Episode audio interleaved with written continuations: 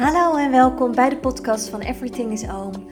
Mijn naam is Sabrina Soeban en in deze podcastserie neem ik je graag mee in mijn persoonlijke en professionele interesses. Het gaat over stressreductie, persoonlijke ontwikkeling en spiritualiteit. Ik hoop je daarmee te inspireren om de verbinding met jezelf te verdiepen en nog bewuster in het leven te staan. In de vorige podcast vertelde ik je over de drie stadia die stress kent. In de komende afleveringen wil ik deze stadia verder met je ontdekken. Maar om je eigen stresssysteem te begrijpen, die is namelijk bij iedereen anders, is het belangrijk om een klein beetje kennis te hebben van het menselijk lichaam. In dit geval wil ik specifiek inzoomen op het zenuwstelsel. Wanneer je meedoet aan een drie luik somatic work, is het luisteren van deze podcast cruciaal. Het zal je helpen om in de workshop beter te begrijpen hoe jouw stresssysteem eruit ziet, wat jouw triggers zijn en wat juist de helpende factoren zijn. Mocht je nu denken, drie luik, klinkt interessant. In de omschrijving van deze podcast kun je een linkje vinden. Maar ook wanneer je niet meedoet en beter wil begrijpen hoe stress, spanning en trauma precies worden veroorzaakt of in stand worden gehouden, is dit een interessante podcast. Het is taaie stof, maar door dit te begrijpen zullen er uiteindelijk kwartjes vallen. En don't worry, je hoeft niet alle termen uit je hoofd te kennen, maar om stress bij de kern aan te pakken, is het fijn als je al deze termen al een keer hebt gehoord en een klein beetje gevoel hebt bij wat er eigenlijk allemaal in je lijf gebeurt. Terug naar dat zenuwstelsel. Je hebt er eigenlijk twee: het centrale zenuwstelsel en het perifere zenuwstelsel. Het centrale zenuwstelsel dat bestaat uit je hersenen en uit je ruggenmerg. Dit zou je eigenlijk kunnen zien als het controlecentrum van je zenuwstelsel. Heel in het kort werkt het ongeveer als volgt. Middels zintuigen ontvang je informatie over je omgeving en je lichaam. In je hersenen wordt deze informatie verwerkt en wordt deze informatie verbonden met andere informatie, bijvoorbeeld afkomstig uit je geheugen. Deze verwerkte informatie wordt vervolgens gebruikt om spieren en organen aan te sturen. Dankzij het centrale zenuwstelsel kun je bijvoorbeeld denken, voelen en bewegen. Nou, dan is er ook nog het perifere zenuwstelsel. Dat bestaat uit alle zenuwen die vanuit de hersenen en ruggenmerg naar de rest van je lichaam lopen. Het centrale zenuwstelsel is dus verantwoordelijk voor het verwerken van informatie en het regelen van dat alles wat er in je lijf gebeurt. Dit doet het door signalen van het perifere zenuwstelsel te zenden en te ontvangen. Het perifere systeem draagt vervolgens weer boodschappen over tussen het centrale zenuwstelsel en de rest van het lichaam.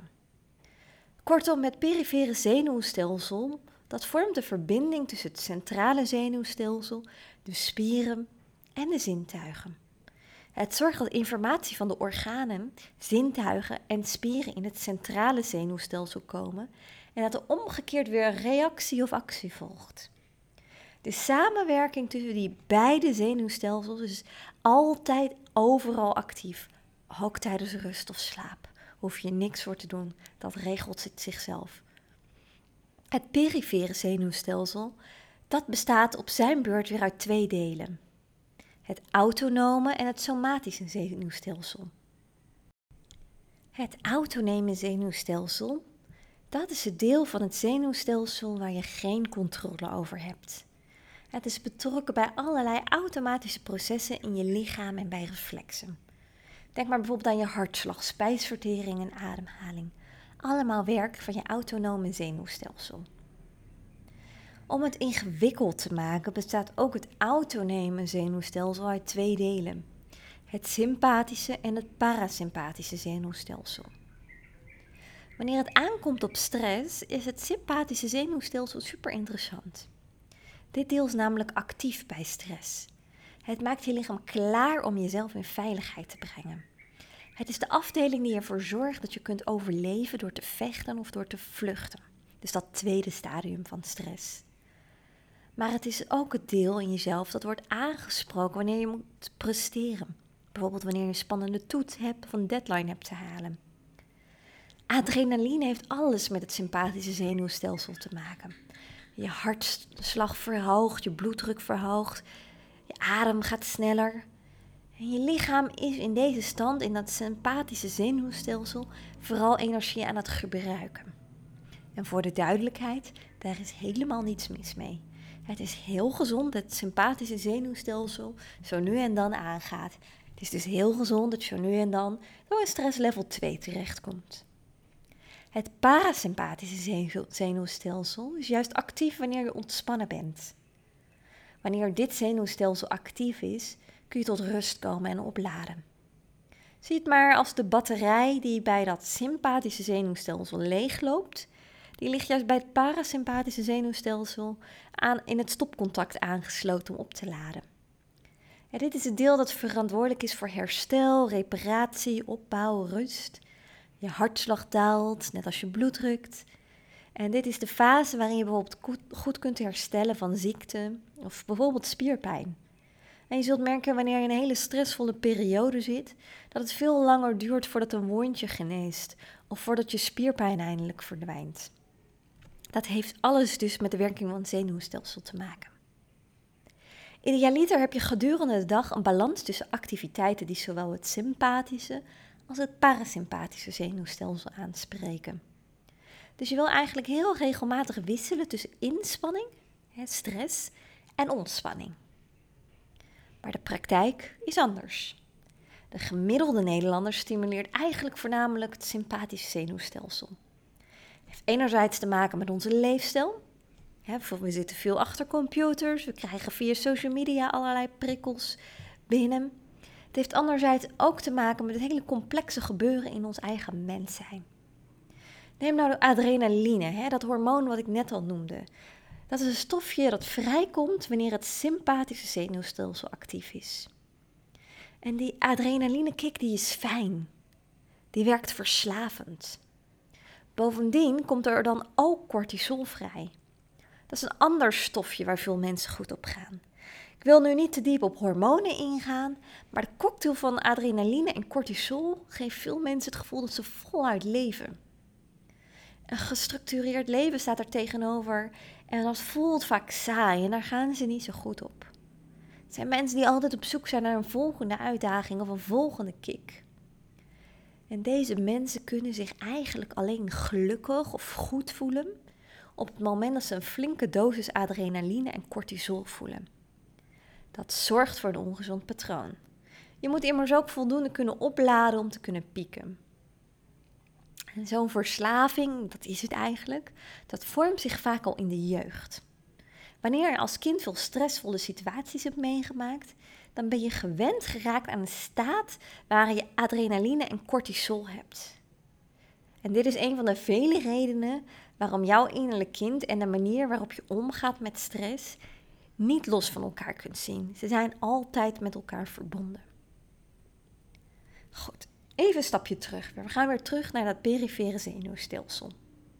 Dat bestaat dus uit het autonome zenuwstelsel, daar hebben we het net over gehad, en het somatisch zenuwstelsel. Het somatisch zenuwstelsel is het deel waar we controle over hebben. Het zorgt ervoor dat je kunt lopen, kunt praten, kunt vrijen, wat je ook maar verkiest, hè, wat je ook maar wil doen. Het heeft alles te maken met bewuste keuzes die je maakt. Maar ook onbewust kan het somatische zenuwstelsel worden geactiveerd. Bijvoorbeeld door spiergeheugen te gebruiken, door te reageren op een pijnprikkel. En wanneer je hand ergens aan brandt, trek je automatisch je hand weg. Nou, dat is zo'n reactie van het somatische zenuwstelsel. Maar dit is ook het deel dat wordt aangesproken wanneer een oude pijn, bijvoorbeeld die van je innerlijk kind, wordt geraakt. Dus zoals je ziet, ook hier komt dat innerlijke kind weer terug. Nou, respect voor jou als je de podcast tot hier hebt volgehouden. Het is taaienstof die misschien ook totaal niet interessant lijkt. En alle termen die ik heb genoemd hoef je ook niet te onthouden. Maar nu weet je dat al die verschillende delen van het zenuwstelsel met elkaar samenwerken. Om te herstellen van trauma, stress of spanning is het dus ook belangrijk om voor al die delen te zorgen. Op het moment dat één van die onderdelen wordt overbelast, dan zal het langzaam maar zeker zijn basistaken steeds meer gaan verzaken, met alle fysieke klachten van dien. En dat is ook precies de reden waarom het bij langdurige ziekte belangrijk is om ook te kijken naar hoe het ervoor staat met je zenuwstelsel. En dat is ook de reden dat doktoren onverklaarbare fysieke klachten vaak aan stress toeschrijven.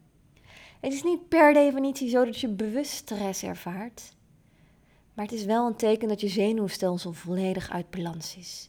Er is dus fysiek gezien, hè, waar de dokter meestal naar kijkt, niet direct iets mis.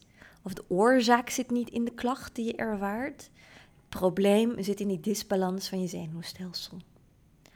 Nou, wil je goed leren om voor je zenuwstelsel te zorgen? Wil je oude pijnen verwerken? Hè, je innerlijk kind leren helen voor zover dat kan? Start dan bij de basis, je zenuwstelsel. In het drieluik waarvan je de link in de omschrijving van deze podcast kunt vinden, leer ik je om in kaart te brengen wat jouw zenuwstelsel nodig heeft. Op mijn Instagram en YouTube kun je daarnaast oefeningen vinden die helpen bij het aanpakken van de bron van stress het zenuwstelsel. Dankjewel voor het luisteren naar deze aflevering. Deel hem vooral ook met anderen op social media. Mocht je vragen hebben of verzoekjes, dan kun je mij bereiken via Instagram